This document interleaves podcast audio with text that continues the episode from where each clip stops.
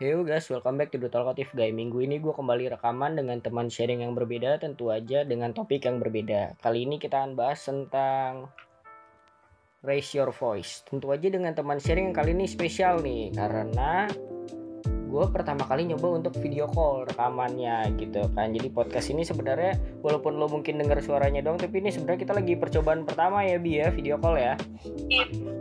Oke jadi diperkalin dulu kali ya di depan gue nih di kamera gue nih di siapa nih? Boleh silakan. Oke, perkenalkan nama Bianca Kalista Meliala.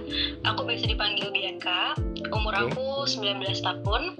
Sebentar lagi 20 tahun sih, tapi sekarang masih 19. nah, bentar lagi ulang tahun kayaknya ya Kenapa? ulang tahun bentar lagi ya Iya, bentar lagi ulang Oke, tahun. terus- Kesibukanku paling saat-saat ini tuh kuliah. Heeh.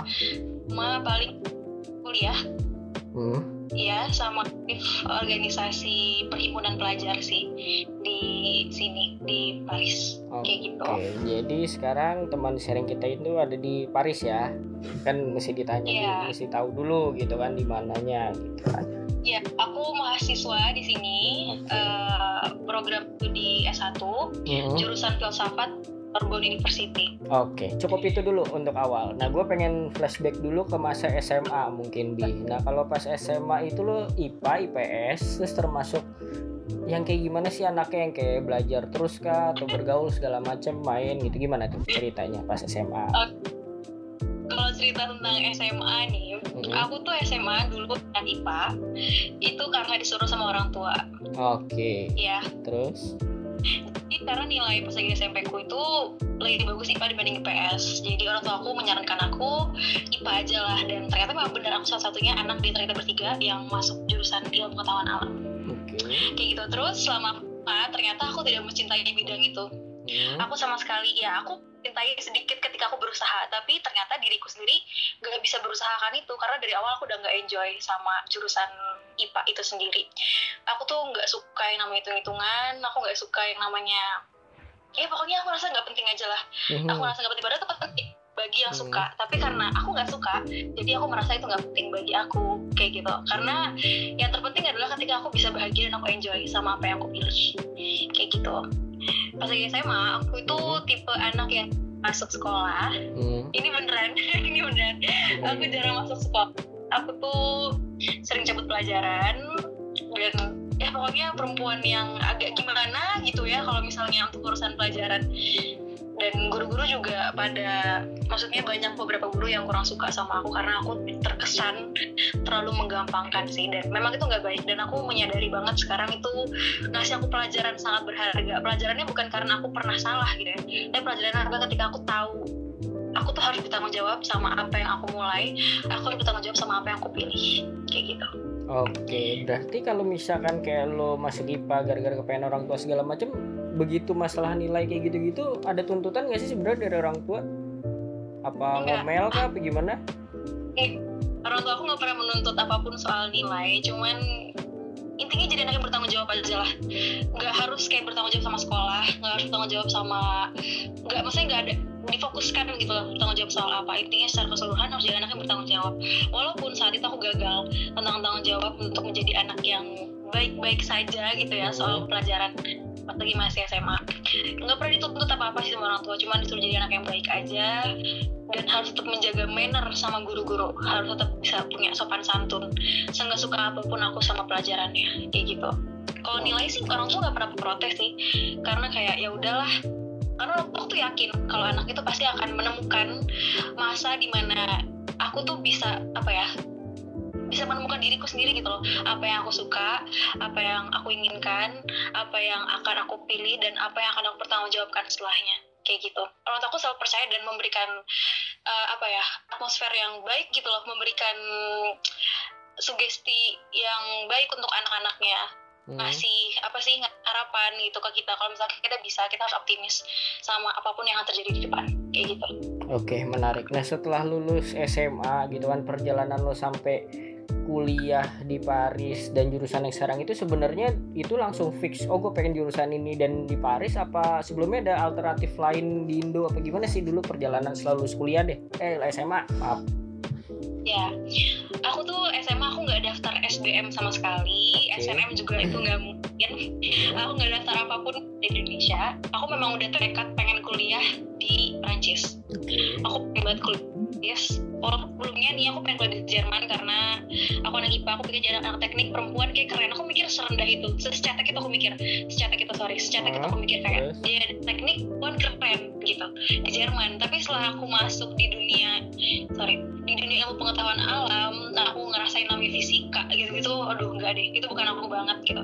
Jadi aku tuh langsung mikir alternatif apa nih yang bisa gue temuin untuk gue tetap bisa kuliah di luar negeri? Hmm. kebetulan aku udah duluan buka jalan kuliah di sini jadi aku pikir ya udahlah sekalian sama kakak di sini kan dan aku ngerasa bahasa Prancis tuh bahasa yang paling seksi. Aku suka bahasa Prancis ada sengal-sengalnya aksennya itu bagus.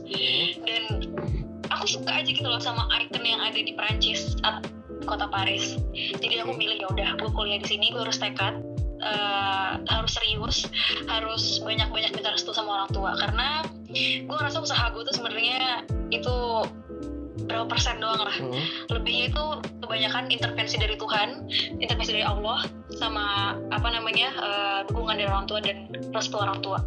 Itu sih sebenarnya. Oke, pas lo ngomong kayak gitu ke orang tua gimana? Orang tua langsung ya udah terserah kamu apa gimana tuh reaksinya? Memang orang tua yang, memang orang tua yang, apa Oh, orang tua yang support gitu. Terus? dan kembali lagi soal pertanyaan tadi ya Hmm. di awal ya tentang apa namanya eh, apa tadi perjalanan ya jenjang Hmm. atau apa sih aku Iya, perjalanan lo milih jurusan itu dan di, ah, ah, di negara Prancis. Nah, di sini tuh aku tuh ngambil jurusan komunikasi digital, Hmm. tapi aku nggak bisa setiap hari, benar-benar itu sampai BTS. Oh, Aku benar-benar setiap hari depan komputer dari jam 8 pagi sampai jam 18 hmm. Sampai jam 6 sore. itu benar-benar setiap hari depan komputer ngurusin Adobe Photoshop dan lain-lain. Dan aku tuh bener-bener rasa ini bukan gue banget gitu. Ini bukan aku banget. Dan aku bisa dapet ini juga salah satunya karena apa yang aku usahakan ketika aku masih SMA dong. Ya kan? Karena kan aku keterima langsung keterima tuh. Dari SMA aku nggak cari mapan langsung keterima di sini. Terus ya udah aku pikir kayaknya gue harus keluar dari sini. Akhirnya ya udahlah. Aku bener-bener ngambil jurusan yang ini banget sih yang apa yang di luar dari pikiran orang tua aku mungkin Oke. aku ngambil jurusan filsafat di sini ngambil filosofi dan itu nggak ada sambungannya sama jurusan yang sebelumnya pernah aku ambil jadi aku pikir oke gue nggak kuat di sini gue harus nyari sesuatu yang memang gue pengen sesuatu yang bisa membuat gue bahagia ketika gue menjalankannya sesuatu yang bisa bikin gue bahagia ketika ketika gue menyelesaikan itu semua penuh dengan kebahagiaan gitu loh kayak Hmm. nggak ada beban kan harus tuntutan dari orang tua tuntutan dari apa-apa segala macam nggak ada itu semua karena memang atas kehendak diriku sendiri dan dari situ akhirnya aku pilih ngambil filosofi ya udah akhirnya sampai sekarang aku masih masih jadi mahasiswa di jurusan filsafat dan masih tahun pertama juga Menurut lo pribadi lo sendiri di umur yang mau 20 tahun ini kekurangan kelebihan lo apa sih menurut diri lo sendiri? Gitu. menurut diri sendiri ya karena Iya. aku lebih percaya sama orang lain rasakan sih sebenarnya karena Hmm. mereka merasakan nggak bersama aku Oke. maksudnya mereka yang bisa merasa tapi kalau misalnya atas kesadaran diriku sendiri aku ngerasain kalau aku tuh orang yang punya rasa ingin tahu yang sangat tinggi Oke. aku itu orang yang eh, selalu berusaha untuk ikhlas Hmm. untuk menerima apa pun aku orang yang selalu berusaha untuk mencari kebahagiaan atau menemukan kebahagiaan dalam situasi apa pun Oke. itu aku nggak tahu itu bisa dibilang. Pasti ada minus ada minus ada plusnya sih. Ada Hmm. positif dan negatifnya. Dan aku juga tipe orang yang keras. Hmm. aku mudah tersinggung mungkin tapi untuk beberapa kasus ya. Karena aku banyak juga ada hal-hal yang mungkin seharusnya aku tersinggung tapi aku nggak mikirin sama sekali. Tapi ada juga beberapa hal yang membuat aku tersinggung karena apa ya pokoknya berkaitan soal penampilan misalnya atau berkaitan tapi dari orang tergantung orangnya siapa yang ngomong gitu. Kalau seorang yang aku sayang misalnya ada sedikit kritik atau apa mungkin aku orangnya sensitif tapi kalau orang lain aku nggak peduli kayak gitu. Itu sih secara garis besar itu aja. Oke, nah kalau misalkan ngomongin kebahagiaan, apa sih yang buat Bianca bahagia nantinya dan akhir-akhir ini? Kalau untuk nantinya itu maksudnya kayak achievement apa nih yang bakal nanti, oh gue bahagia nih. kalau kita ngomongin soal kebahagiaan ya menurut aku bahagia itu bisa aku temukan bisa aku ciptakan dalam keadaan apa pun dalam kondisi apa pun karena eh, apa ya bahagia itu kita yang kita yang menentukan gitu loh Mhm. Kita bisa bahagia kita bisa menjadi bahagia ketika kita memilih untuk untuk menjadi bahagia Oke. kayak gitu jadi mau aku jadi orang miskin sekalipun mau aku jadi orang yang aku jadi orang yang nggak punya apa sekalipun aku jadi orang bodoh sekalipun tapi ketika aku milih jadi bahagia aku akan bahagia jadi karena aku nggak bisa mendahului takdir Tuhan maksudnya aku akan menjadi seperti apa dan Ah. lain-lain ya aku cuma bisa menjalani hidupku dengan bahagia apa pun yang ada pada diriku sekarang Oh, itu sih jadi lebih kepada apa yang lo rasakan daripada apa yang lo punya gitu ya. Bahagia. betul karena semua itu kita punya kita tuh punya pengendalian penuh Oke. kita punya kontrol penuh pikiran kita karena semua itu adanya di mindset semua itu adanya di pikiran kita kalau kita mikir dan gimana ya logika yang, terbentuk logika yang kita bentuk itu juga semuanya eh, dibuat atau eh, prosesnya itu ada di ada di pikiran kita sendiri ada di bagaimana kita membentuk logika itu sendiri. Pokoknya logika yang tercipta di pikiran kita itu semua dibentuk oleh mindset jadi kalau misalnya mindset kita A akan akan men- menghasilkan logika yang seperti A. Kalau mindset kita B akan menjadikan eh, logika yang seperti B. Dan logika itu kan semua itu kan sesuatu yang namanya juga logika, sesuatu yang logik gitu loh. Mhm. Sesuatu yang sesuatu yang berkaitan sama nalar gitu, sesuatu yang sama aja gitu. Jadi menurutku ya ya udah semua itu ada tetap tetap ada di pengendalian kita sendiri. Jadi nggak perlu terlalu pusing-pusing gitu loh kalau misalnya soal kebahagiaan. Oke. Karena Terus? ya udah lo bisa nemuin kebahagiaan di mana pun Oke. di mana pun lo bisa nemuin kebahagiaan kayak gitu Oke, nah kalau misalkan sebuah achievement atau prestasi atau keadaan apa sih nanti suatu saat yang bakal konkretnya bakal buat lo bahagia misalkan dalam segi karir kah atau dalam segi oh gue yang penting pengen lulus kuliah dulu deh itu udah buat gue bahagia goals terdekatnya gitu gimana bi? kalau gue sedekat sih pasti memang lulus kuliah ya Oke tapi kalau jauh ke depan eh, cita-cita yang spesifik aku Hmm. sebutin karirnya gitu aku jadi penulis aku pengen jadi dosen aku pengen jadi jurnalis itu sih itu cita aku yang aku amin amin inginkan banget iya aku inginkan banget Hmm. Oke, dan aku rasa ketika harapanku sesuai dengan kenyataan, Hmm. maksudnya kenyataannya akan sesuai dengan itu akan buat aku bahagia. Oke. Gitu. Nah kalau misalkan ngomongin orang tua tadi balik lagi gimana sih orang tua Bianca mendidik Bianca dari kecil gitu maksudnya? Iya, eh, orang tua aku udah dari kecil. Orang tua aku tuh dari kita bertiga, dari aku, aku dan adik masih kecil, selalu diajak berdiskusi seperti layaknya bicara dengan orang dewasa, kayak gitu sih. Kayak kita tuh nggak pernah yang kayak eh, apa ya? Kayak aku ngeliat contoh ibu-ibu, eh ini nggak apa-apa, ini nggak apa-apa, ini bukan hal yang salah. Tapi ini agak sensitif sih, cuman maksudku gimana ya? Kayak aku intinya gini lah, orang tua aku selalu ngajak bicara anak-anaknya seperti orang dewasa, selain orang dewasa. Jadi kita mungkin bisa dibilang agak sedikit ketuaan sebelum waktunya pada saat itu ya, walaupun setelah udah lepas dari orang tua, maksudnya lepas dari apa sih? Lepas dari ketek orang tua lah istilahnya itu tuh bener-bener apa yang terjadi di diri kita, apa yang membentuk sifat kita itu ada dari lingkungan juga, lingkungan sekolah, lingkungan les atau apa pun itu. Tapi ya tetap dari awal itu orang tua kita udah ngasih, udah ngasih kita apa ya, ngasih kita jalan, ngasih tahu kita jalan yang benar, ngasih tahu kita prinsip apa yang boleh di boleh dilakukan, yang tidak boleh dilakukan, yang boleh disentuh, yang tidak boleh disentuh kayak gitu. Dan orang tua aku tuh selalu ngaku untuk eh, jangan pernah mengharapkan apa yang kita ber, apa yang kita dapat sesuai dengan apa yang kita beri gitu loh. Jadi kita harus berusaha untuk ya, selalu berusaha untuk ikhlas dalam keadaan apa pun, dalam kondisi apa pun.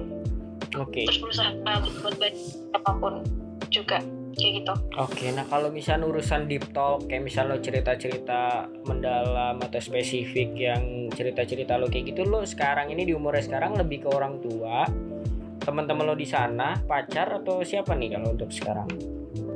Tapi ke orang tua sih. Oke, jadi seterbuka itu ke orang tua ya bisa ya. Ada ada ada saran nggak maksudnya kayak misalnya banyak anak muda zaman sekarang terutama cewek gitu kan belum bisa seterbuka itu ke orang tuanya gitu. Bisa dimulai dari mana sih atau harusnya gimana sih kita sebagai anak? Sebenarnya bisa juga karena keduanya ya yang bekerja, bukan cuma akunya doang, bukan cuma Oke. orang tua aku doang. Jadi nah, orang tua aku memang dari dulu gitu aku tuh nggak pernah takut untuk jujur sama orang tua aku. Ya mungkin ada yang aku takut lah ya, cuman Hmm, kalau untuk yang besar aku tuh nggak pernah ngerasa aku akan dimarahin atau dianggap nggak bukan jadi anak lagi aku nggak pernah kayak gitu. Jadi aku pernah takut sih cerita tentang apa pun kayak aku cerita sejujurnya deh misalnya. Aku pulang jam segini mama kok habis dari sini sini sini. Orang tua aku kayak ya udah. Karena apa? Karena orang tua aku memberikan aku kepercayaan orang tua aku tuh percaya kalau anaknya itu tidak akan melakukan sesuatu yang keluar dari koridor kayak gitu. Oke. udah dikasih koridor kita nggak boleh keluar batas gitu loh dan Hmm. karena kalau bilang kalau misalnya kamu yang punya diri, kamu yang akan menanggung resikonya semuanya dan kamu udah besar, kamu punya tanggung jawab akan dirimu sendiri. Jadi ah, setiap putusan itu pasti akan ada konsekuensinya dan yang akan yang akan ngerasain susah juga aku, yang akan Hmm. ngerasain sakit juga aku. Jadi ya udah, mamaku tuh lebih lebih kepada apa ya? Eh, ngasih aku semangat atau ngasih aku semangat secara emosional aja sih. Nah, aku harus tetap ingat tentang apa namanya pokoknya ingin inilah intinya gini kalau mau apa-apa itu ingat orang tua aja gitu Hmm. kayak orang tua itu ngedoain kamu yang baik-baik ngedoain kamu biar sukses ya berarti kamu di sana juga harus jadi anak yang benar jangan aneh-aneh maksudnya jangan dia sampai keluar batas lah dan mamaku tuh nggak pernah yang nanya-nanya gitu nggak pernah nanya-nanya berlebihan kayak sesuatu yang sensitif gitu mamaku nggak pernah nanya atau mungkin emang nggak pengen dengar jawabannya atau gimana Hmm. tapi dibandingin dibandingkan bertanya lebih banyak memberitahu sih dan mencontohkan kayak gitu Oke. Nah, kalau misalkan gitu. memberitahu yang baik tapi bukan dengan cara mendikte Ah, oke, menarik. Nah, kalau misalkan di umur yang sekarang gitu, Bi, lo udah tahu belum sih hidup lo untuk apa? Kalau misal udah tahu dari umur berapa dan gimana tuh proses pencarian jati diri segala macam sampai oh gue tahu hidup gue intinya pengen kayak gini gitu. Proses pencarian jati diri ya Mm-mm.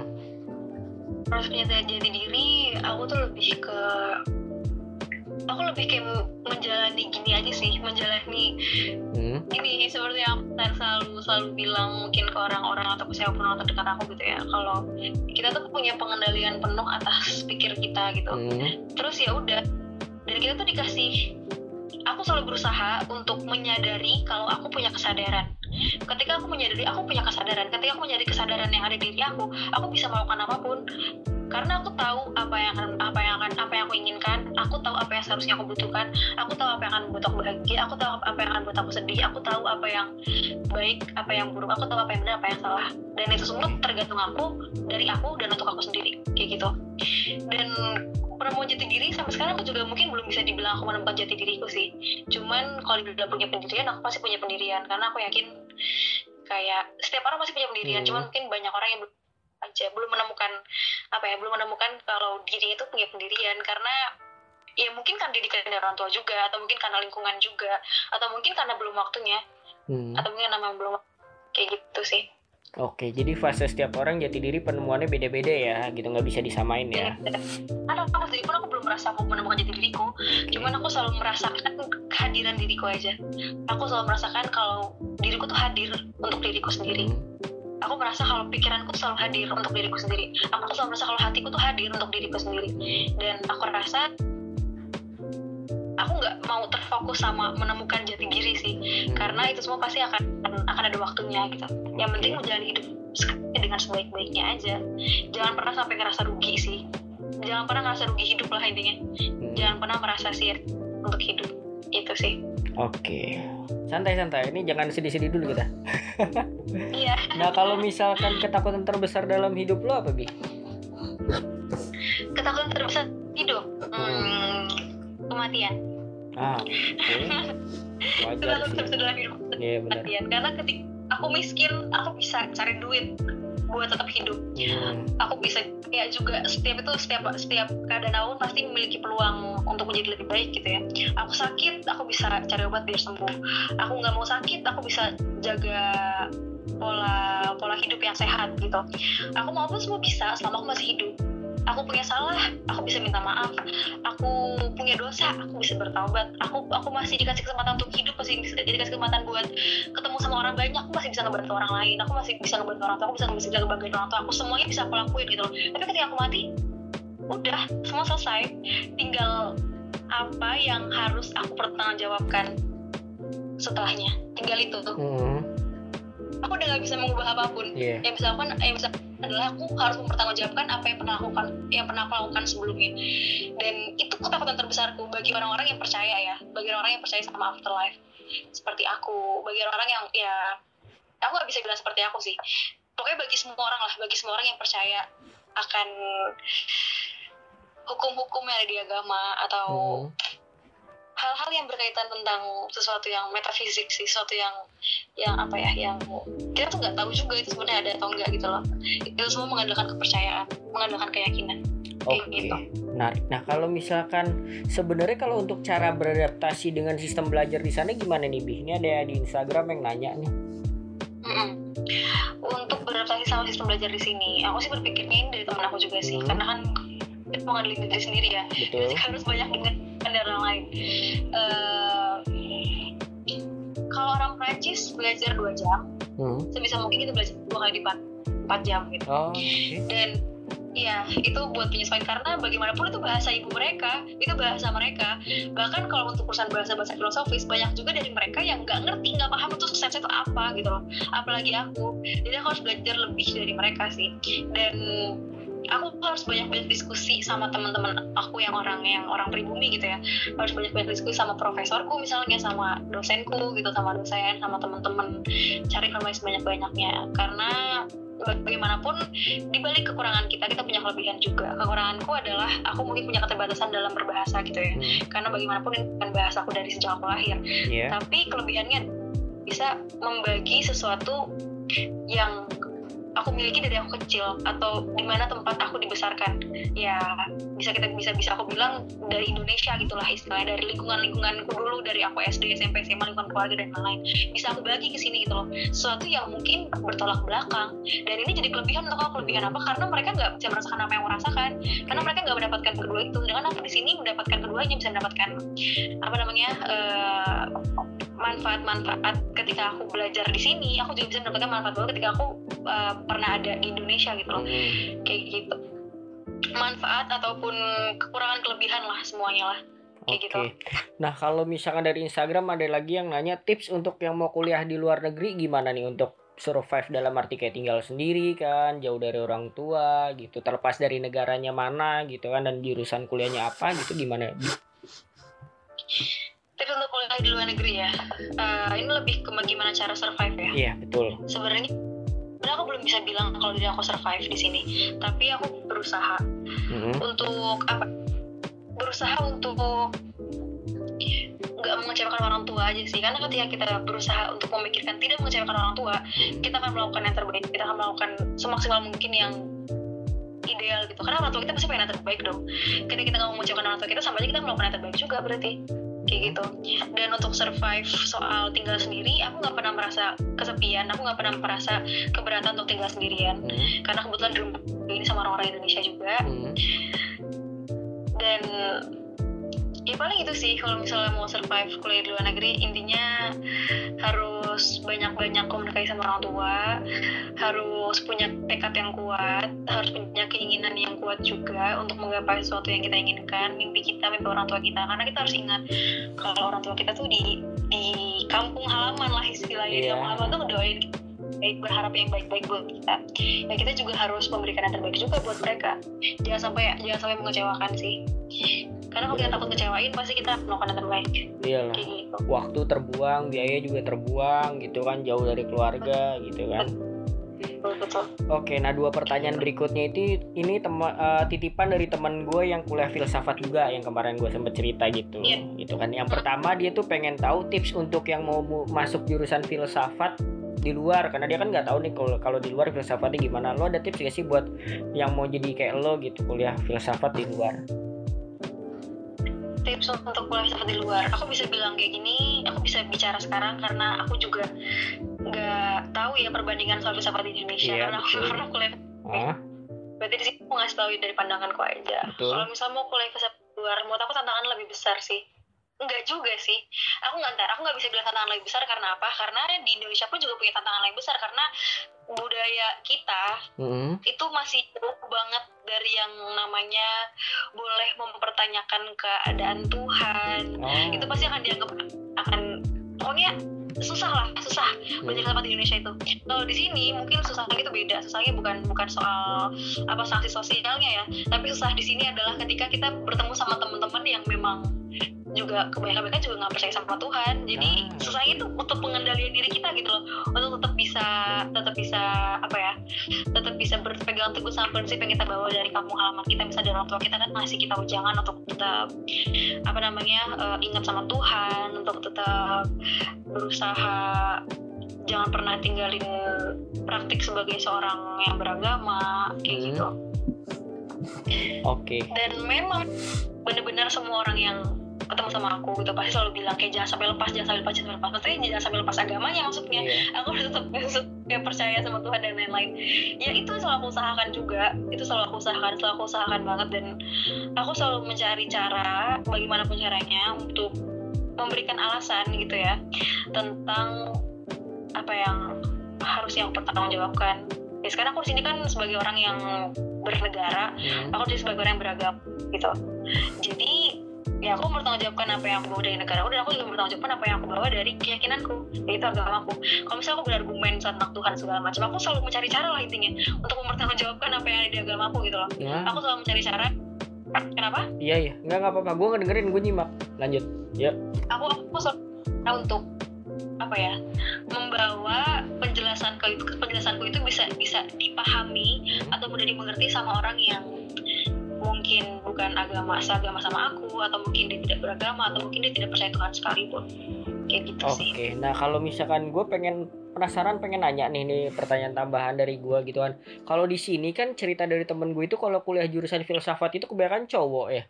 Kalau di sana tuh gimana sih? Maksudnya banyak cewek juga kayak yang minat jurusan filsafat kayak gitu, Bi?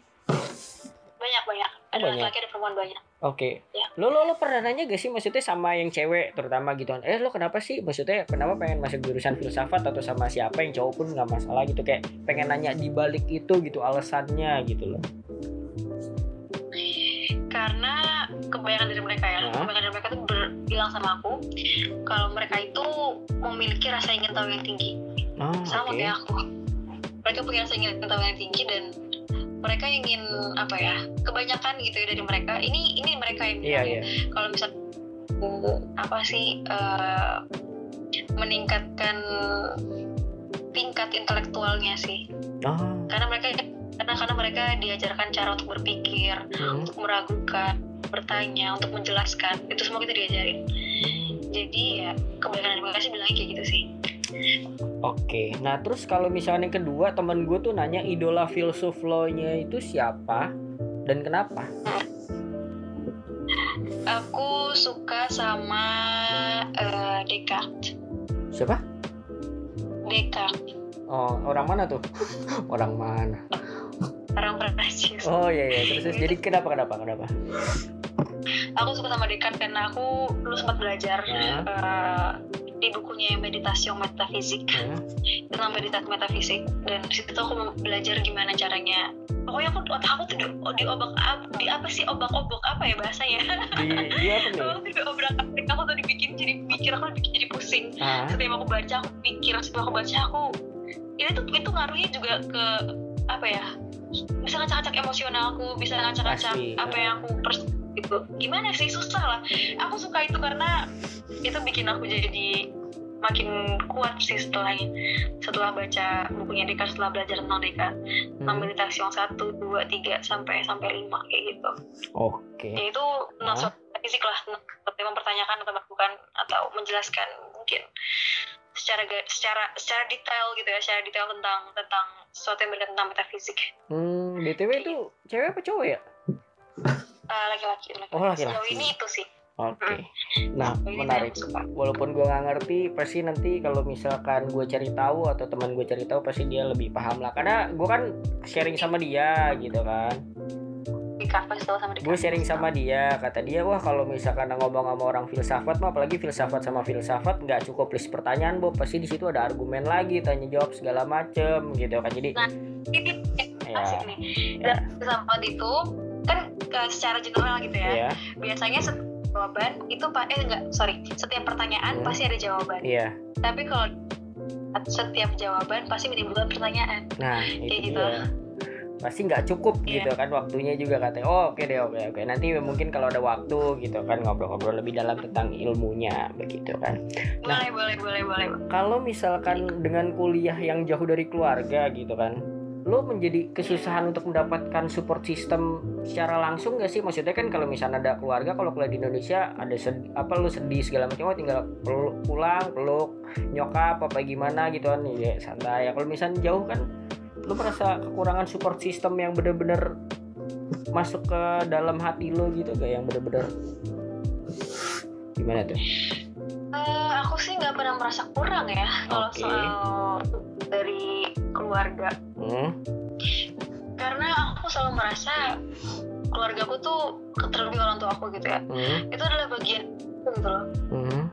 aku mereka ke mana pun Hmm? darah aku sekarang yang mengalir itu adalah darah mereka gitu aku tuh ada di sini juga itu hasil dari mereka gitu dan aku nggak pernah ngerasa jauh karena Ah. orang tua aku juga selalu aku support secara emosional secara apa pun lah dilakukan sama orang tua aku Hmm. supaya bisa bikin aku merasa didukung merasa bahagia merasa dihargai merasa apa pun itu sama orang tua aku ya karena ketika orang tua nggak menghargai aku aku bakal bisa ngedownnya parah sih kalau ada orang tua yang nggak setuju orang tua yang yang apa ya pokoknya yang bertolak belakang sama kita itu udah benar bikin aku bisa super ngedown. Tapi selama ini alhamdulillahnya orang tua aku nggak pernah pernah kayak gitu. Orang tua aku Hmm. selalu support aku selalu ngasih motivasi selalu selalu ngasih aku kepercayaan Hmm. kalau misalnya anak ini pasti bisa jadi orang sukses gitu. Amin amin. Terus kayak aku pasti bisa kayak gini aku selalu digituin selalu digituin. Kayak dikasih apa ya orang tua tuh orang yang optimis lah gitu ke Hmm. anak-anaknya jadi itu bikin aku jadi makin menggebu-gebu lagi gitu loh bikin aku jadi ngerasa aku di sini berdiri di belakang aku tuh ada orang tua aku. Aku di sini didorong sama doa-doa orang tua aku. Aku di sini didorong sama dukungan-dukungan dari orang tua aku. Kayak gitu Oke. sih. Nah kalau misalnya oke dari orang tua oke nggak merasa kekurangan apa segala macam tapi dengan lo kuliah di luar gitu lo bisa gak sih punya inner circle baru yang emang bisa ngobrol di emosional segala macam gitu? Apa lo ngerasa bahwa perbedaan kultur segala macam susah sih untuk kayak punya teman yang sedekat kalau kita sama-sama orang Indonesia gitu kalau di sana aku dari dulu selalu ada teman ah dari dulu zaman sebelum pindah jurusan hmm. aku ada tem eh, laki-laki perempuan itu ada dan Hmm. Aku deket sama mereka aku bisa cerita apa pun sama mereka. Aku bisa yang nangis sama mereka. Aku bisa Hmm. cerita gimana aku kangen keluarga aku. Aku bisa ngelakuin itu semua. Aku jalan sama mereka aku bisa makan bareng sama mereka. Ya seperti layaknya temenan aja. Dan sekarang pun juga aku punya teman lagi dan apa ya akhirnya kita bikin grup lah. Hmm. bikin grup gitu. Terus ya, besok ngelakuin apa kalian? Besok mau jalan sini nggak? Besok mau makan sini nggak? Kalau bisa di kelas besar kayak kita duduk di belakang ya nanti kita ke belakang. Kayak gitu. Hmm. jadi kayak kita teman ngumpul dan support apa ya support dari mereka sih ya mereka selalu benar-benar dukung aku apa pun. Kayak eh, gimana kamu tadi kenapa nggak masuk gitu? Ini aku kirimin aku ini gue kirimin apa? Gue kirimin eh, catatan tadi ya selalu kayak gitu laki-laki perempuan.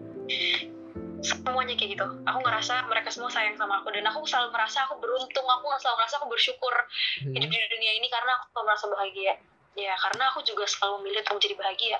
Aku nggak mau jadi orang yang terpuruk aku nggak mau jadi orang yang berlarut-larut sama kesedihan gitu Nah kalau misalkan selanjutnya gimana sih meyakinkan orang tua dengan keputusan pentingnya kan kita buat apalagi kita kayak lo kan usianya masih muda gitu kan kayak berani oke oke mah pah gue yakin kuliah di luar segala macam nah banyak anak ce- cewek di luar sana tuh yang masih ragu gitu bi Iya, sebenarnya kita nggak perlu terlalu fokus sama laki-laki perempuan sih, karena Iya. sama aja menurut aku ya sama-sama sama anak orang tuanya. Ah. Cuman eh, yang bisa bikin yang bisa bikin orang tua aku yakin adalah karena mereka meyakinkan dirinya, meyakinkan dirinya untuk percaya sama anak-anaknya. Hmm, Dan ketika orang tua aku yakin sama aku, di situ aku juga nggak mau mengecewakan mereka, kayak gitu.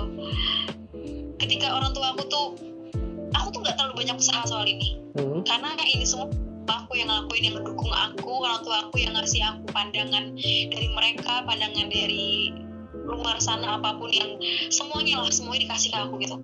Ini semua konsekuensinya ini semua pilihannya ini semua sorry ini semua pilihannya ini semua konsekuensinya dan kamu udah tahu semuanya kamu udah bisa melihat kamu udah dewasa kamu udah bisa eh, mengetahui mana yang baik mana yang benar mana yang salah mana yang mana yang mana yang itu enggak mana yang baik mana yang benar mana yang salah mana yang buruk gitu. Kamu udah tahu semua bahkan kamu pilih. Aku selalu aku selalu gitu sama orang tua aku. Jadi kalau berusaha meyakinkan sih aku nggak ada berusaha meyakinkan banget kecuali nih ketika aku mau pindah ke jurusan filsafat sih. Kayak orang tua nggak kontra sama aku orang tua aku tuh nggak ngebolehin aku ngambil jurusan ini karena ya segala ketakutan ketakutan yang dirasakan orang tua aku lah. Masa mikirnya kalau anak gue filsafat pasti anak gue tuh bakalan kayak gini kayak gini kayak gini kayak gini kayak gini. Dan aku rasa orang tua aku tuh kayak gitu bukan tanpa alasan. Aku tetap merasa orang tua ngomong gitu karena memang ada alasannya itu jelas. Mereka punya alasan. Tapi aku cuma nangis sama orang tua aku sih sebenarnya. Kayak kenapa kok bisa nggak setuju? Aku nanya gitu. Terus dijawab lah ya saya setuju kalau kamu ambil filsafat karena kalau kebanyakan dalam filsafat itu A, B, C, D, C sampai Z dijelasin. Ya, sebenarnya sih mamaku nggak pernah ada masalah sama orang yang ada jurusan filsafat, cuman ketakutan itu ada untuk anaknya aja. Iya, gitu. iya, wajar. Terus tuh, ah, terus kayak gitu aku bilang, Mam, kalau misalnya mami punya alasan untuk tidak setuju, mami pun juga seharusnya punya alasan untuk untuk setuju kalau aku ngambil jurusan filsafat ini Aku tuh mami mami pun nanya kenapa gitu ya aku bilang lah sekarang kira-kira berapa berapa banyak sih uh, rasa ketidaksetujuan itu? Berapa besar gitu?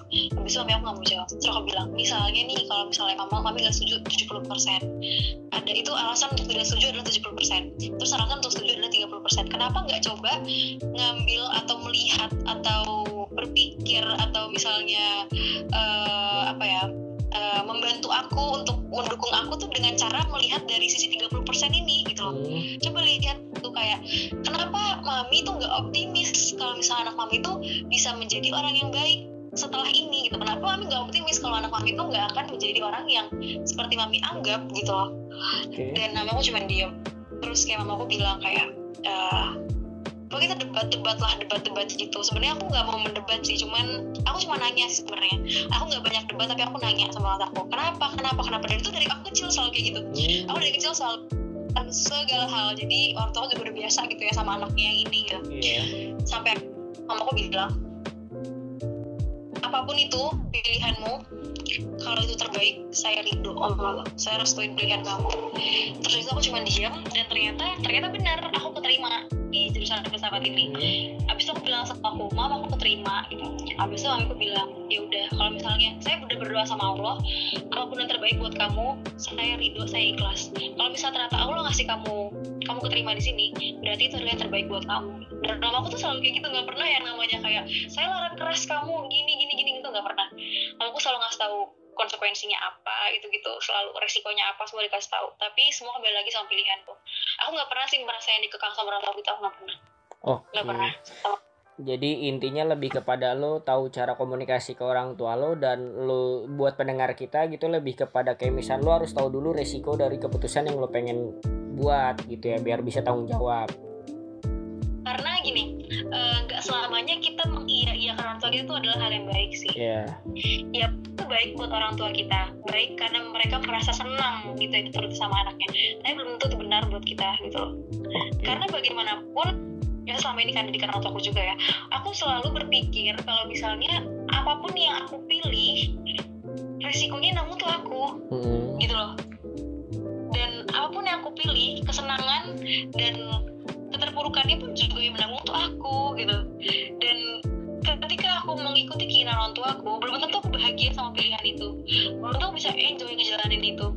Jadi dibanding kita gini-gini gak ada yang lebih baik gak ada yang lebih buruk. Cuman menurutku untuk kasus ini aku merasa jauh lebih baik ketika kita bisa mengkomunikasikan sama orang tua kita tentang apa yang kita mau, tentang yeah. apa yang kita inginkan, ya, tentang apa yang kita butuh. Kita tahu semuanya gitu. Walaupun orang tua kita merasa saya tahu kamu karena saya melahirkan kamu segala macam. Ya, mungkin pasti adalah drama-drama yang kita sama orang tua kita pasti ada. Tapi tapi gitu loh, orang tua kita akan jauh lebih bangga ketika kita bisa uh, berkomitmen sama pilihan kita. Kita kita bisa bertanggung jawab sama pilihan kita dibandingkan kita cuma sekedar mengiyakan atau menuruti permintaan orang tua kita. Coba deh kalau kita logikanya logikanya aja. Orang tua kita pasti bisa kita anak gue pilih A gue bisa bertanggung jawab sama pilihannya. Yeah. dibandingin anak gue karena keinginan gue tapi anak gue ternyata nggak bisa bertanggung jawab nggak bisa bertanggung jawab sama pilihan gue. Iya yeah, iya yeah, sekarang yang mau buat anak gue sih karena itu kan buat karir di depan gitu. Dan orang tua aku selalu selalu mikir kayak gitu. Orang tua aku selalu kayak menyerahkan semua sama anak-anaknya Hmm. dan mendoakan yang terbaik dan ngasih juga eh, apa ya kayak masukan-masukan secara apa ya secara ya emosional lah selalu kayak Hmm. gitu secara emosional selalu selalu secara emosional tuh kayak ya pokoknya adalah yang ini mungkin beda-beda setiap orang Hmm. tua ya dan orang aku lebih ke sana sih lebih ke sana Oke, dengan lo tinggal di luar kuliah kayak gitu segala macam kan untuk lo tidak kesepian gitu kan lo butuh banyak explore hal, hal baru kan ya. Nah ada tips gak sih dari lo gitu kalau misal kayak misal ada nih yang baru kuliah atau hidup di luar negeri gitu kan, wah gue pengen beradaptasi dengan lingkungan pergaulan segala macam. Explore gimana sih bisa dimulai dari mana gitu. Sorry sorry. Jadi kalau misal ada ada nih gitu kan kayak lo juga gitu kan kuliah di luar negeri gitu kan. Ya dia kan kalau misalkan orang yang nggak bisa bergaul nggak bisa eksplor hal baru kan pasti akan kuliah pulang kuliah pulang dan akhirnya kesepian gitu kan. Nah kalau lo kan lo Iya. cerita dari gua ke WA kan aktif segala macam. Nah itu sebenarnya bisa dimulai dari mana sih ketika lo sampai ke negara tersebut gitu? Kalau nyampe sini ngerasa aku kayak nggak apa sih teman aku itu tuh aja gitu ya iya aku aja. tapi aku nggak tahu sih aku nggak bisa bilang ini semua karena diri aku aku Mm-mm. nggak bisa bilang ini semua karena aku karena aku selalu merasa kalau aku tuh beruntung aku tuh beruntung dan itu tuh anugerah dari Tuhan aja gitu loh Mm-mm. aku selalu merasa doa aku tuh selalu dikabulin sama Tuhan tentang aku nggak mau ngerasa kesepian aku tetap mau diberikan diberikan kebahagiaan selalu karena menurut aku kedamaian batin itu adalah hal yang utama dan selalu gitu. Jadi apa pun kondisinya di saat aku pernah ngerasa kesepian maksudnya di saat aku kesepian benar-benar kesepian tapi aku nggak aku nggak pernah ngerasa kesepian. Mm-mm. aku lagi sendiri aku sendiri. Aku lagi rame-rame aku juga menikmati itu semua gitu loh. Jadi apa ya kayak aku nggak pernah memfokuskan kepada aspek-aspeknya sih. Akan aku cuma cuma selalu gimana cara aku mengontrol emosi diriku aja gitu emosiku perasaanku. Aku gimana cara itu aja. Karena semua itu ada di kunci itu di situ gitu loh. Karena kalau misalnya kadang kita ditempatkan pada posisi di mana kita nggak bisa memilih apa pun kita nggak bisa depan mentok belakang mentok kiri mentok itu kita udah takdir namanya kita tempatin di posisi ini gitu. Mm-mm. dan bisa kita lakuin apa? Kita nggak bisa ngubah apa pun. Mm-mm. yang kita lakuin adalah udah kita melakukan pengendalian akan diri kita untuk merasakan yang namanya bahagia nggak larut-larut sama yang namanya keterpurukan kayak gitu Oke. kayak gitu sih Tapi lo kalau misalkan down gimana tuh healingnya? Maksudnya kayak problem solvingnya gimana? Apa lo kayak lebih ke menyendiri kah? Atau lo, lo mesti keluar? Atau kayak gimana? Tuh kan pasti kan ya walaupun emang eh, mayoritas lo lebih kepada yang positif-positif berusaha untuk mikir mindset positif Tapi kan pasti pernah ada momen-momen down dong gitu kan Nah kalau lo gimana motivasinya tuh biar nggak down terus? ada ada ada aku pernah yang ngedown tuh pasti ada ya Mm-mm, itu pasti, pasti ada banget. ya. Aku pernah merasa aku berlarut-larut sama itu karena aku selalu menyerahkan semuanya lagi sama Tuhan. Hmm, aku selalu menyerahkan semuanya lagi sama Allah kayak kalau kata filosof sih gini. Hmm. Apa namanya hmm, di saat kita meragukan semua hal di dunia Hmm. ini yang bisa kita pastikan adalah keraguan diri kita sendiri itu kan. Oke. Aku juga aku setuju tapi ada yang mungkin bisa aku modifikasi untuk diriku sendiri. Hmm, tapi aku merasakan seluruh yang ada di dunia ini yang bisa aku pastikan adalah yang pertama keraguanku kedua yang bisa aku pastikan adalah ketika aku bisa bersandar atau menyerahkan diri kepada sesuatu yang yang gak ada batasnya gitu. Hmm, kepada sesuatu yang gak tahu ada di mana. Hmm. kepada sesuatu yang bisa aku rasakan tapi nggak bisa aku lihat. Yang bisa aku rasakan tapi nggak bisa aku sentuh gitu loh. Hmm. ya semua bagi sama. Karena mau itu bener ada atau itu nggak ada bagi sebagian orang berpikir Tuhan itu nggak ada segala macam aku tetap merasa dengan aku berpraktik sebagai umat yang orang beragama di saat aku masih yang namanya berdoa sama Tuhan aku masih percaya dengan kehadiran Hmm. Tuhan buat aku jadi tenang Oh, jadi oke. terserah orang mau cuman suges serah Hmm. yang penting aku merasakan di diri aku itu sih Oke, nah kalau misalnya dari Instagram ada lagi yang nanya tips untuk PD dengan apa yang disampaikan. Kadang kan kadang kita suka suka susah sinkron gitu kan pikirannya kayak gimana tapi pas Iya. diomongin ngelantur gitu. Nah kalau lo gimana tuh tips PD versi lo? Kalau aku sih em, lebih apa ya? Oh gini. Aku tuh lebih berusaha bicara mungkin nggak perlu terlalu berat-berat bahasanya Hmm. gitu. Tapi lebih kepada bahasa yang baik. Itu bisa ngebuat aku jadi lebih percaya diri ketika aku bicara. Karena Oke. ketika aku menggunakan bahasa aku juga akan menghargai aku. Ketika aku menggunakan bahasa yang baik sama aja aku menghargai diriku sendiri gitu. Hmm. dan aku berusaha untuk mel- melontarkan kata-kata atau aku berucap gitu ya kepada sesuatu yang bisa aku pertanggungjawabkan. Kepada sesuatu yang bisa aku jelaskan. Bukan kepada sesuatu yang aku cuma asal ngomong tapi yang ditanya dicecer abis aku nggak bisa jawab apa-apa Hmm. gitu Oke. jadi urusan sinkron pikiran sama apa yang diomongin ya udah intinya lo harus tahu apa yang mau lo omongin dan lo harus bisa mempertanggungjawabkan apa yang lo omongin ketika lo punya tuntutan untuk bertanggung jawab sama apa yang lo omongin otomatis lo akan mengeluarkan sesuatu dari mulut lo itu sesuatu sesuatu yang memang lo tahu gitu loh sesuatu yang benar sesuatu yang bisa dipertanggungjawabkan intinya itu Oke. Terus kalau misalkan selanjutnya dari Instagram juga gitu kan, dia nanya kuliah di luar itu identik dengan biaya yang mahal atau anak yang pintar banget karena beasiswa. Setuju gak? Eh, enggak juga sih menurut aku semua itu karena beruntung ya Ah gitu aja dia harus ada luck tersendiri gitu ya. Iya, ini tuh rezeki rezeki karena Ah. banyak juga satu segala segala macam. Tapi ternyata dia nggak rezeki kuliah di tempat yang diinginkan, gitu. Hmm. rezeki di tempat yang lain. Dan juga mungkin anak yang bandel, tapi tiba-tiba dapet di sekolah favorit, di kuliah favorit, apa kampus favorit, terus jurusan yang bagus ya udah kita nggak itu semua kayak faktor luck juga sih.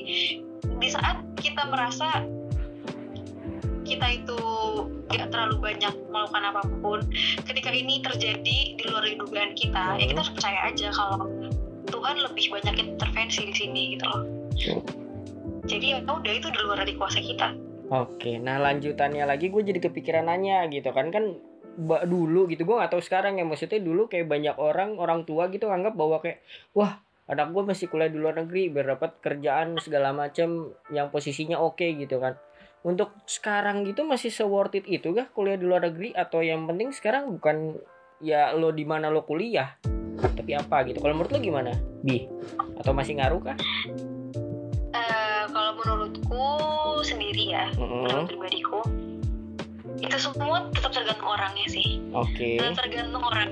Kalau misalnya orang pintar tuh di mana-mana. Iya orang betul. pintar ada di orang pintar ada di ada di istilahnya di pedalaman pun juga ada orang ada orang pintar gitu. Kayak dan orang beruntung tuh juga di mana pasti ada ada orang beruntung dan orang tuh pasti Hmm. punya jalannya masing-masing. Jadi kalau misalnya di keluar di luar di luar negeri biar ABC itu kan harapan ya. Mm-mm, itu kan betul. harapan. Tapi kan nanti kita sesuai dengan harapan. Kayak gitu. Dan aku merasa kayak gini gini eh, ketika aku kuliah di luar negeri aku tuh nggak punya alma mater pernah apa ya alma mater terakhirku tuh di, di Indonesia tuh cuman SMA 3 doang gitu. Ah, aku nggak kayak aku bisa kan banyak nih orang S1 bisa di UI atau S1 di Iya, Indonesia iya, di mana. Benar. Dan dia punya ikatan alumni gitu loh. Dan itu yang kuat ikatan alumni kuat. Dia bisa punya jaringan yang bagus ya kan? Punya link yang bagus untuk cari kerja apa segala macam gitu. Karena kita nggak tahu jalan jalan seseorang tuh beda-beda kan? Kita nggak tahu Iya. dapetnya itu dari mana. Sedangkan aku di sini aku kuliah di sini aku nggak punya ikatan alumni mana-mana. Di Indonesia kecuali SMA 3 terakhir gitu ya.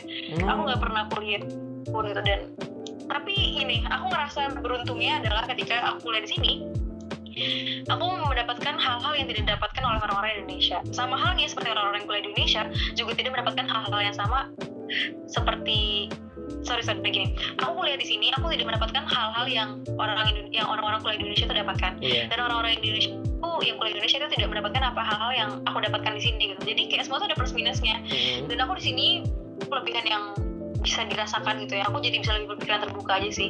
Aku lebih bisa apa ya lebih bisa berusaha untuk adil lah dalam berpikir gitu loh untuk menilai apa pun. Karena mungkin masalah yang paling sering ditemukan di Indonesia itu adalah pikiran-pikiran yang konservatif gitu kan.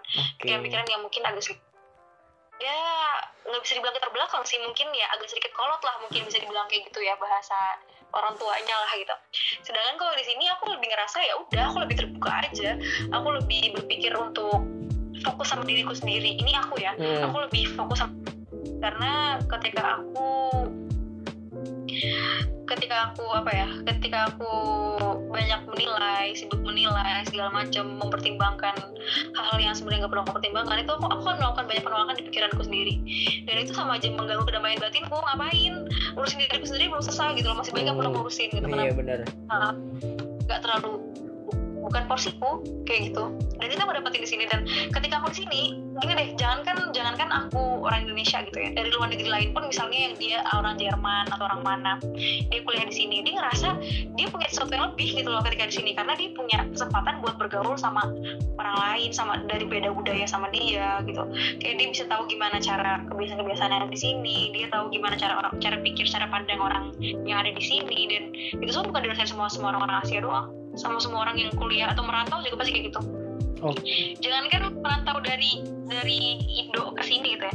Dari Jakarta nih, dari ibu kota nih ke Jogja aja gitu misalnya. Iya. Aku dapetin hal baru yang gak didapetin sama orang yang tetap kuliah di Jakarta juga. Ya ini itu aku sih gak mau fokus sama kita kuliah di luar negeri, kuliah di sini enggak sih. Intinya semua tergantung orangnya. Oke. Gitu. Nah, gue jadi penasaran nih, bagi lo open minded seperti apa nih setelah lo mungkin lo dapat pemahaman segala macam di luar gitu kan kan banyak orang di Indonesia maksudnya oh gue udah baru umur segini tapi gue udah ngerasa open minded. Nah, bagi lo tuh open minded seperti apa sih bi? Open minded itu sebenarnya bukan berarti membiarkan diri menjadi bablas. Oke. Itu bukan open minded namanya. Nah, itu bukan itu bukan definisi dari open minded menurutku sorry open minded itu menurutku lebih kepada ya tadi Hmm. menghindari yang namanya banyak penolakan dalam pikirannya tentang orang lain tentang apa yang dilakukan oleh orang lain lah intinya karena gini eh, kalau untuk diri sendiri itu kan pilihan ya iya kalau betul. kita open minded, open minded apa pun, kalau misalnya kita punya prinsip, ya udah itu prinsip kita. Nggak bisa dibilang prinsip itu adalah adalah prinsip yang dipengaruhi oleh pikiran kita yang tidak tidak terbuka gitu. Jadi open minded menurutku itu ya udah kalau misalnya eh, apa yang terjadi di diri lo sekarang, apa yang ada di diri lo sekarang, apa yang lo bawa di diri lo sekarang itu jangan pernah lo terlalu bawa keluar gitu loh. Tetap Hmm. lo simpan dalam diri lo karena di mana lo ada di mana tempat lo berada di situ lo harus bisa menyesuaikan diri. Open minded itu kayak gitu menurut aku. Kita harus bisa menyesuaikan diri di mana pun kita berada. Kita harus menghindari banyak penolakan di pikiran kita tentang orang lain tentang orang kanan kiri apa yang terjadi di kanan kiri kita. Kita harus menghindari itu semua karena itu akan baik juga buat kita. Oh. ya open minded itu bukan berarti gue bablas gue begini karena gue open minded. Bukan. Karena open minded itu ya memang ada di pikiran tapi itu beda sama prinsip. Ketika lo berpikir terbuka belum tentu gimana ya?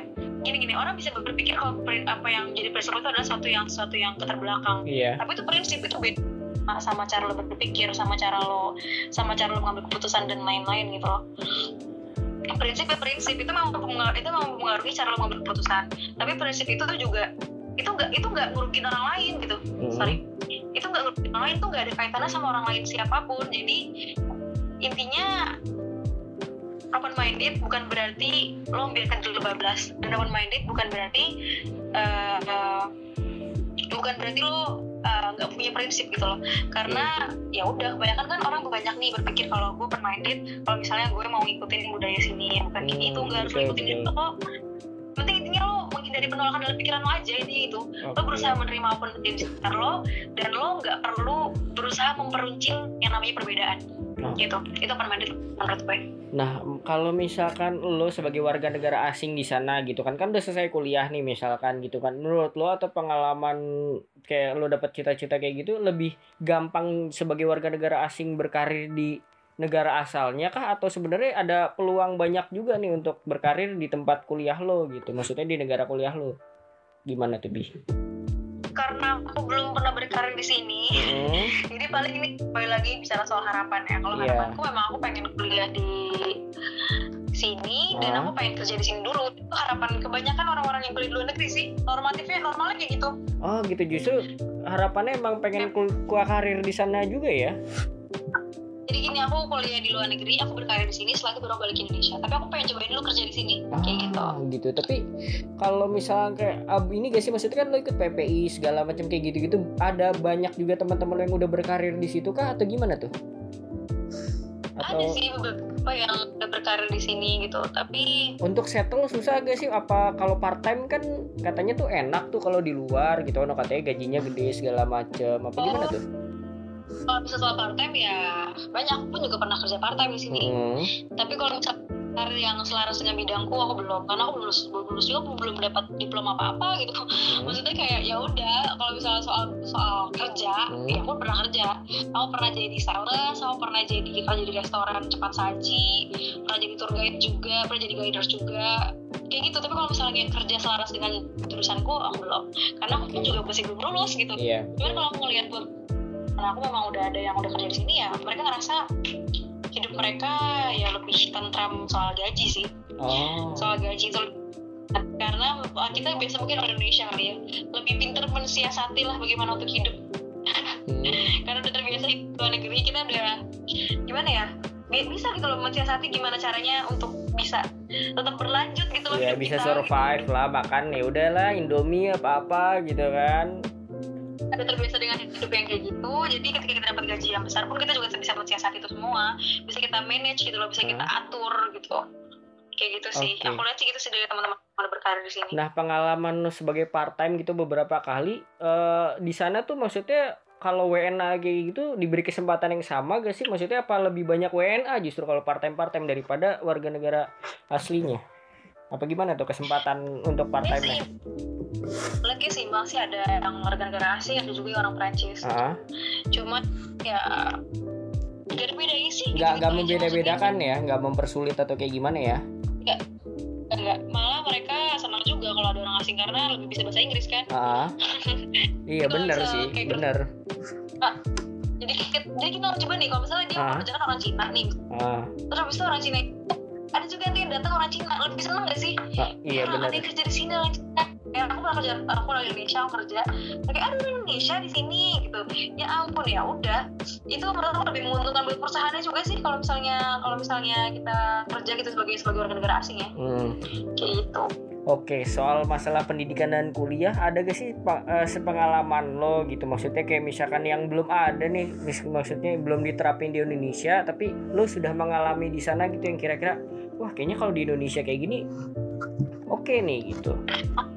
ya di situ udah oke sih cuman ada hal yang aku merasa aku beruntung banget kuliah di sini. Nah, aku atau di tuh? negara-negara lain kan. Ah, jadi eh, misalnya nih aku ngambil kan aku S1 nih. Hmm, ada tahun pertama tahun kedua tahun ketiga.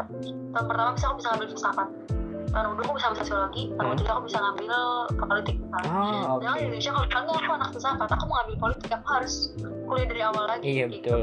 dan di sini aku tuh dapat yang filsafat ini aku cuma dapat mata kuliah wajib cuma empat Hmm, lebih itu option kayak option gitu aku bisa Hmm. milih apa pun yang aku pengen aku bisa milih dance aku bisa milih eskala bisa bikin pajak-pajak tebing aku bisa milih apa pun yang aku pengen gitu loh bahasa aku bisa belajar bahasa Spanyol bahasa Itali bahasa Portugis bahasa bahasa Portugal atau bahasa apa bahasa Cina aku bisa belajar semuanya. Dan itu enggak semua itu enggak harus tergantung sama filsafat gitu loh.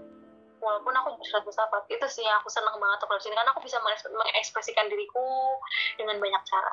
Dan ah, aku nggak jadi jenuh-jenuh banget gitu Oke, tapi kalau misalkan di sana dalam segi hal durasi belajar segala macam nggak jauh beda dari sini ya maksudnya kayak dan kan ada wacana dari Menteri Pendidikan kan katanya kan dari 8 semester katanya kurang efektif nih kalau kuliah jadinya pengennya 5 semester gitu. Nah kalau misalnya di sana sebenarnya kalau masalah durasi perkuliahan kayak gitu sama-sama aja ya?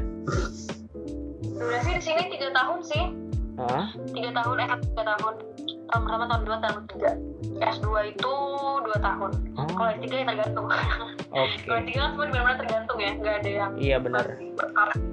Itu udah ngecas belum bi? Tadi kayaknya ada peringatan HP lo low. Enggak sekarang udah ngecas lagi kok Oh, lagi. udah ngecas. Ah. Oke, ini gue sambil nengok-nengok nih dari tadi ngeliat pertanyaan nih ya, bukan gimana-gimana nih. Iya. Karena kan apa namanya? Nah, kalau misal dari Instagram ada ada yang nanya lagi gitu, ada tips tertentu gak sih biar nggak ikutan pergaulan yang toksik? Kalau misalnya di luar kan budaya misalnya dari kita budaya timur sama budaya barat kan beda. Nih kan lo kan sebagai yang udah Iya. kuliah di sana, misahinnya gimana sih? Ada tips gak sih buat yang baru kuliah di sana gitu? Kalau sama teman-teman Prancis ya Hmm? aku sih mikirnya apa ya aku suara ya suara aja gitu. Aku nggak ada mikir apa sih itu kan sebenarnya tergantung pandangan kita gitu. Kalau kita pandang itu negatif jadi negatif. Mm-mm. kalau kita pandang itu positif jadi positif. Kenapa kita nggak berusaha untuk memandang itu dari dari dari sisi yang positif dulu. Aku rasa aku suara aku jadi punya teman rasa aku jadi bisa berteman aku bisa ngerasain yang namanya apa sih budaya mereka gitu. Aku bisa rasain namanya suara Hmm. itu budaya mereka di sini. Dan mungkin sebagian orang mikir itu nggak nggak bener nggak baik apa tapi menurut aku nggak sih biasa aja. Terus kalau misalnya untuk pengendalian eh untuk apa supaya nggak toxic itu kembali Iya. ke pengendalian diri. Hah? karena kita tuh punya kontrol penuh akan pikiran kita. Kita dikasih kesadaran sama Tuhan. Kita bisa menyadari apa yang seharusnya kita sadari. Kita kita bisa menyadari kesadaran kita dan itu kita lakukan itu teman sebaik-baiknya. Dikasih kesadaran ya udah kita harus bisa tahu mana yang kita pilih mana yang, mana yang kita mau mana yang seharusnya kita butuh kita tahu semua dari situ gitu. Terus kalau misalnya soal toxic itu sih kayak kita bisa milih gitu. Kita dikasih kita dikasih kita dikasih nalar sama Tuhan. Hmm. kita kita kita bisa mikir kita bisa tahu mana yang baik mana yang nggak baik. Jadi semua pilihan. Dan toxic pun juga akan jadi relatif karena apa? Karena mungkin menurutku toxic bukan motor lain bukan hal yang toxic. Menurut mereka itu toxic menurutku itu hal yang biasa bisa jadi kayak gitu kan? Ah, tapi ya intinya gini setiap orang punya batasan setiap orang punya ajaran dari orang tuanya yang mungkin nggak bisa diganggu gugat gitu ya kayak anak gue kayak gini harus kayak gini gitu misalnya. Ya udah karena kembali lagi lah kamu tuh ke sini tuh, tuh semua juga atas usaha orang tuamu gitu. Hmm. kamu ke sini juga dukungan dari orang tuamu itu penting. Dan kalau kamu aneh-aneh kamu ngelakuin sesuatu yang nakal-nakal kamu inget aja sih wajah orang tuamu gimana. Hmm. kamu ingetin gimana orang tuamu tuh berusaha ngedoain kamu kamu inget-inget gimana orang tua kamu tuh berharap sama kamu. Karena orang tua kamu tuh berangkat kamu sini tuh bukan bukan dengan tanpa harapan gitu. Bukan tanpa harapan. Orang tua kamu tuh berharap yang jauh banget sama anaknya. Udah relain anaknya jauh-jauh nih keluar luar negeri. Terus ternyata anaknya di sini malah diem-diem apa namanya ya sebenarnya aku nggak bisa bilang itu nggak wajar sih itu hal yang wajar karena kita dikasih kuliah di sini nih kita dikasih pasti dikasih ini dong. Kita di, kita punya tantangan sendiri loh punya tantangan. Sendiri kayak gue nggak bisa ngelakuin ini di Indonesia. Mungkin sih gue bisa lakuin tapi kayak ya udah ini tau batasan aja. Tau batasan tau batasan dan inget aja lah kalau mau aneh-aneh inget orang tua. Jadi kalau lo pernah ngelakuin yang jelek sekalipun nggak nggak sering-sering juga gitu loh. Inget aja orang tua lo intinya gitu. Ah, Oke, yang terakhir pertanyaan. Orang tua lo? Ah, ingat gimana gimana senyumnya orang tua lo? Ingat orang tua lo tuh udah, udah makin berumur. Orang tua lo tuh udah makin sensitif. Coba bayangin aja kalau misalnya lo ngelakuin aneh-aneh di belakang mereka pasti ya sakit lah. Ya apalagi jaraknya jauh ya, gitu. Maksudnya kan nggak ada connection yang sesungguhnya gitu. Nah terakhir dari Instagram ada yang nanya gimana caranya biar kita tidak cepat puas atas pencapaian tapi kita nggak jadi orang yang sombong juga ke sekitar gitu karena kita udah achieve ini itu segala macam gitu. nggak cepat puas Iya. cara nggak cepat puas adalah ya jangan cepat puas menurut aku itu jadi gini Ah. kayak ketika kamu puas kamu akan berhenti gitu. Ketika kamu puas ketika kamu sudah puas diri kamu nggak akan berusaha untuk lebih lagi dari itu. Jadi kamu harus berpikir kamu harus berpikir kalau kamu tuh sebagai di sini tuh kamu ada di sini nih berdiri di sini sebagai orang yang penuh dengan kekurangan. Kamu berdiri di sini sebagai orang yang masih haus akan yang namanya ilmu pengetahuan gitu. Mhm.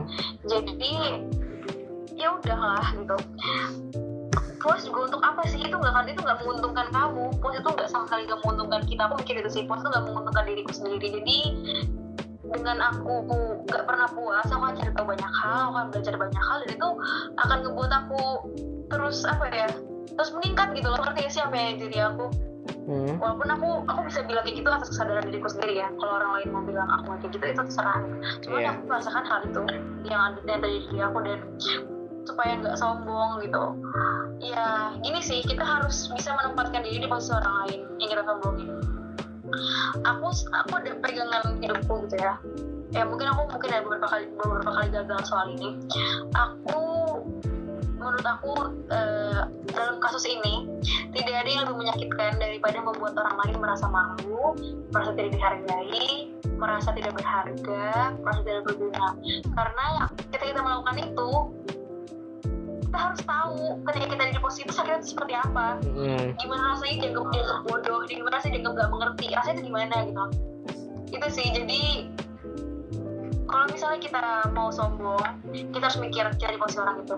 Dan ketika kita mau sombong, kita harus mikir ya, kita masih ada masih ada masih ada yang lebih gitu. Dan sekali bisa ada langit.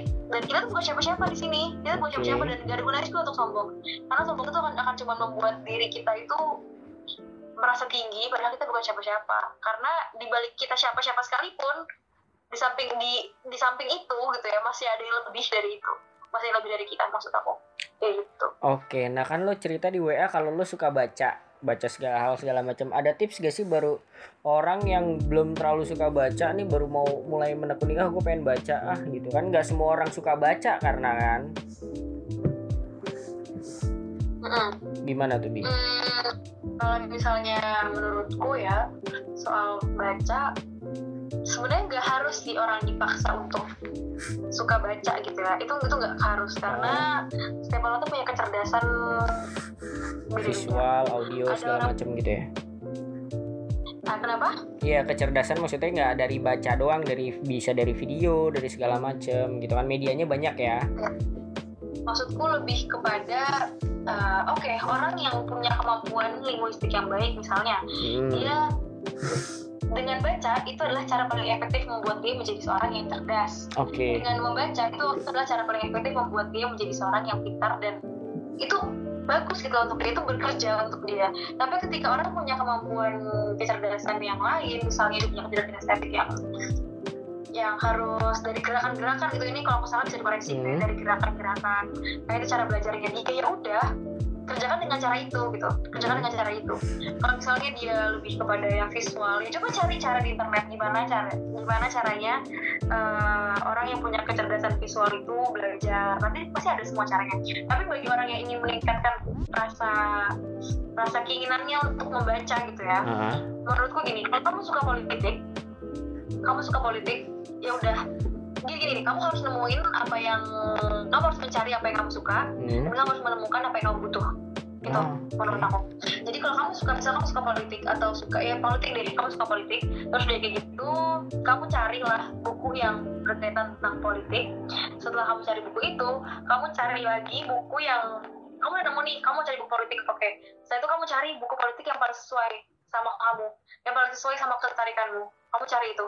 Dan ketika kamu dapetin kamu baca kamu ngantuk kamu keluar air mata karena ngantuk gitu ya baca aja terus. Hmm. jangan pernah berhenti terus lakuin sampai akhirnya kamu ngerasa oke gue berhasil baca buku ini sampai habis gitu. Dan jangan pernah lupa gini gini kamu kamu akan merasa senang kamu akan merasa bahagia kamu akan merasa, merasa mendapatkan sesuatu. Hmm. ketika kamu baca kamu bisa melihat apa yang kamu ketahui. Kamu bisa membaca lagi apa yang kamu ketahui dari apa dari kamu menulis jadi Ah, kalau katanya Albina ikatlah ilmu dengan menulis.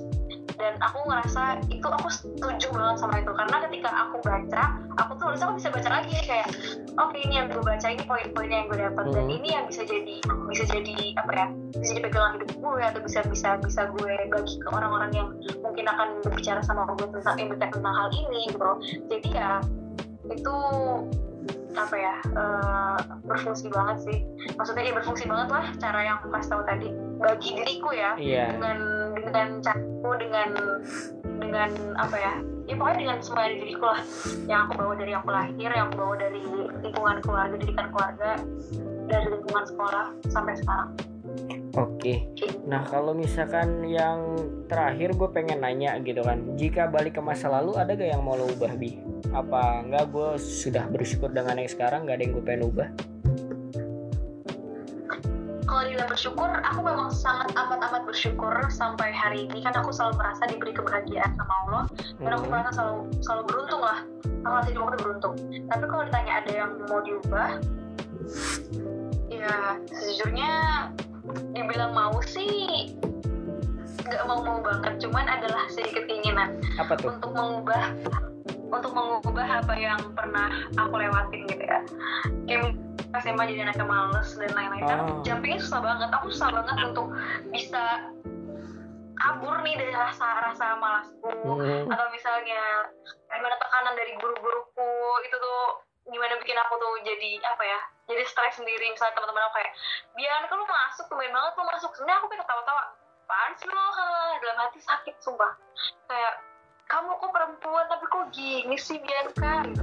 Kamu kok perempuan tapi kok kayak gini? Eh segala macam gitu dan aku. Cuma yang kayak iya bu gitu. Kalau enggak aku yang apa sih biasa aja gitu loh. Kayak kelihatannya biasa padahal dalam hati mah sakit banget setiap kayak dibilang ngapain sih lo masuk? Biasa juga gak pernah masuk gitu. Gila masuk masuk minggu cuma sekali cuma dua kali gitu kayak itu susah banget sih. Maksudnya itu susah gitu loh ngelewatin itu. Berarti kan? Betul. dan ketika dan ketika sekarang aku apa ya sekarang aku udah udah makin dewasa umur aku udah makin bertambah aku jadi makin mikir seharusnya gue nggak gitu. Aku nggak menyesali.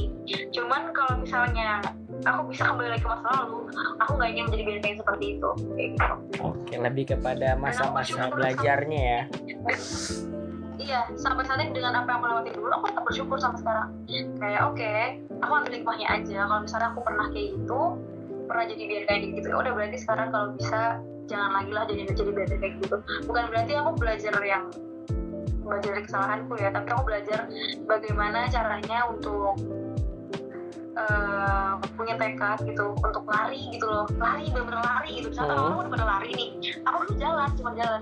Aku harus ngejar harus ngejar gitu loh karena sih? Aku harus harus ngejar supaya aku bisa bisa satu baris lagi sama mereka. Dan itu bukan hal yang mudah tapi aku bersyukur karena ya udah ini tuh ini tuh bikin hidup aku jadi makin dinamis. Hmm. kayak gitu sih sebenarnya kurang lebih Oke, nah ke depannya selain pengen lulus kuliah gitu kan pastinya gitu kan ada gak sih achievement-achievement lain dalam waktu dekat? Misalnya kayak lo pengen kerja part time lagi atau lo pengen ikut event apa pas segala macam yang bisa diceritain gitu what's nextnya target lo apa gitu kan? Karena siapa tahu omongan-omongan jadi doa baik gitu kan kalau ceritain targetku mungkin aku akan mau lebih aktif di kegiatan-kegiatan di kampus kali ya. Oke. Karena aku sering banget diajakin ikut forum-forum forum-forum yang ada di kampus cuman aku nggak pernah ikut.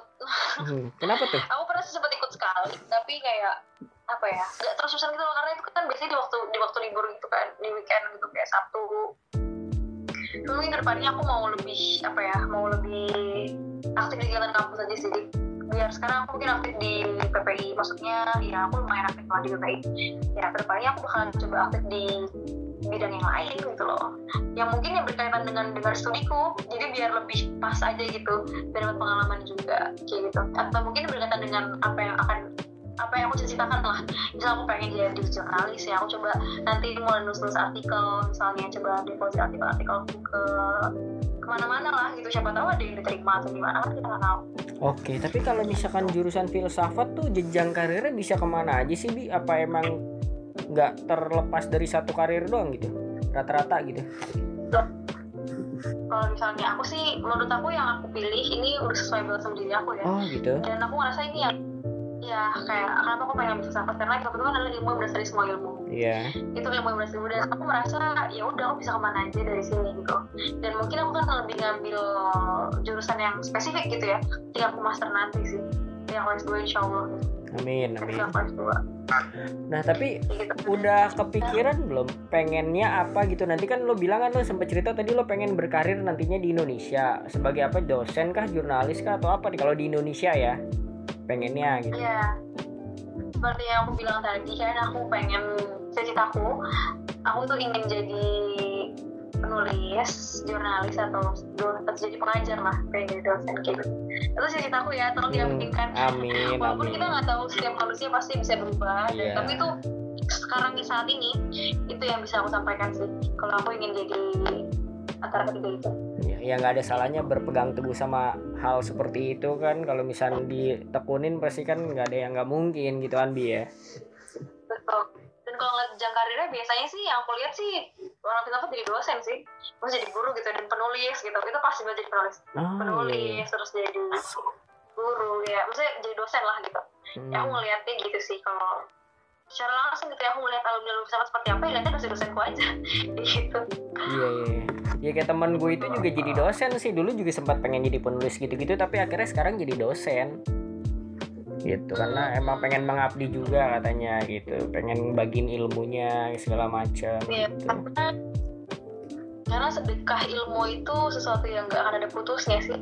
Karena apa yang sedekah apa yang ilmu yang disedekahkan hari ini Hmm, itu bisa mengubah hidup orang iya. sampai 10-15 tahun ke depan. Gitu.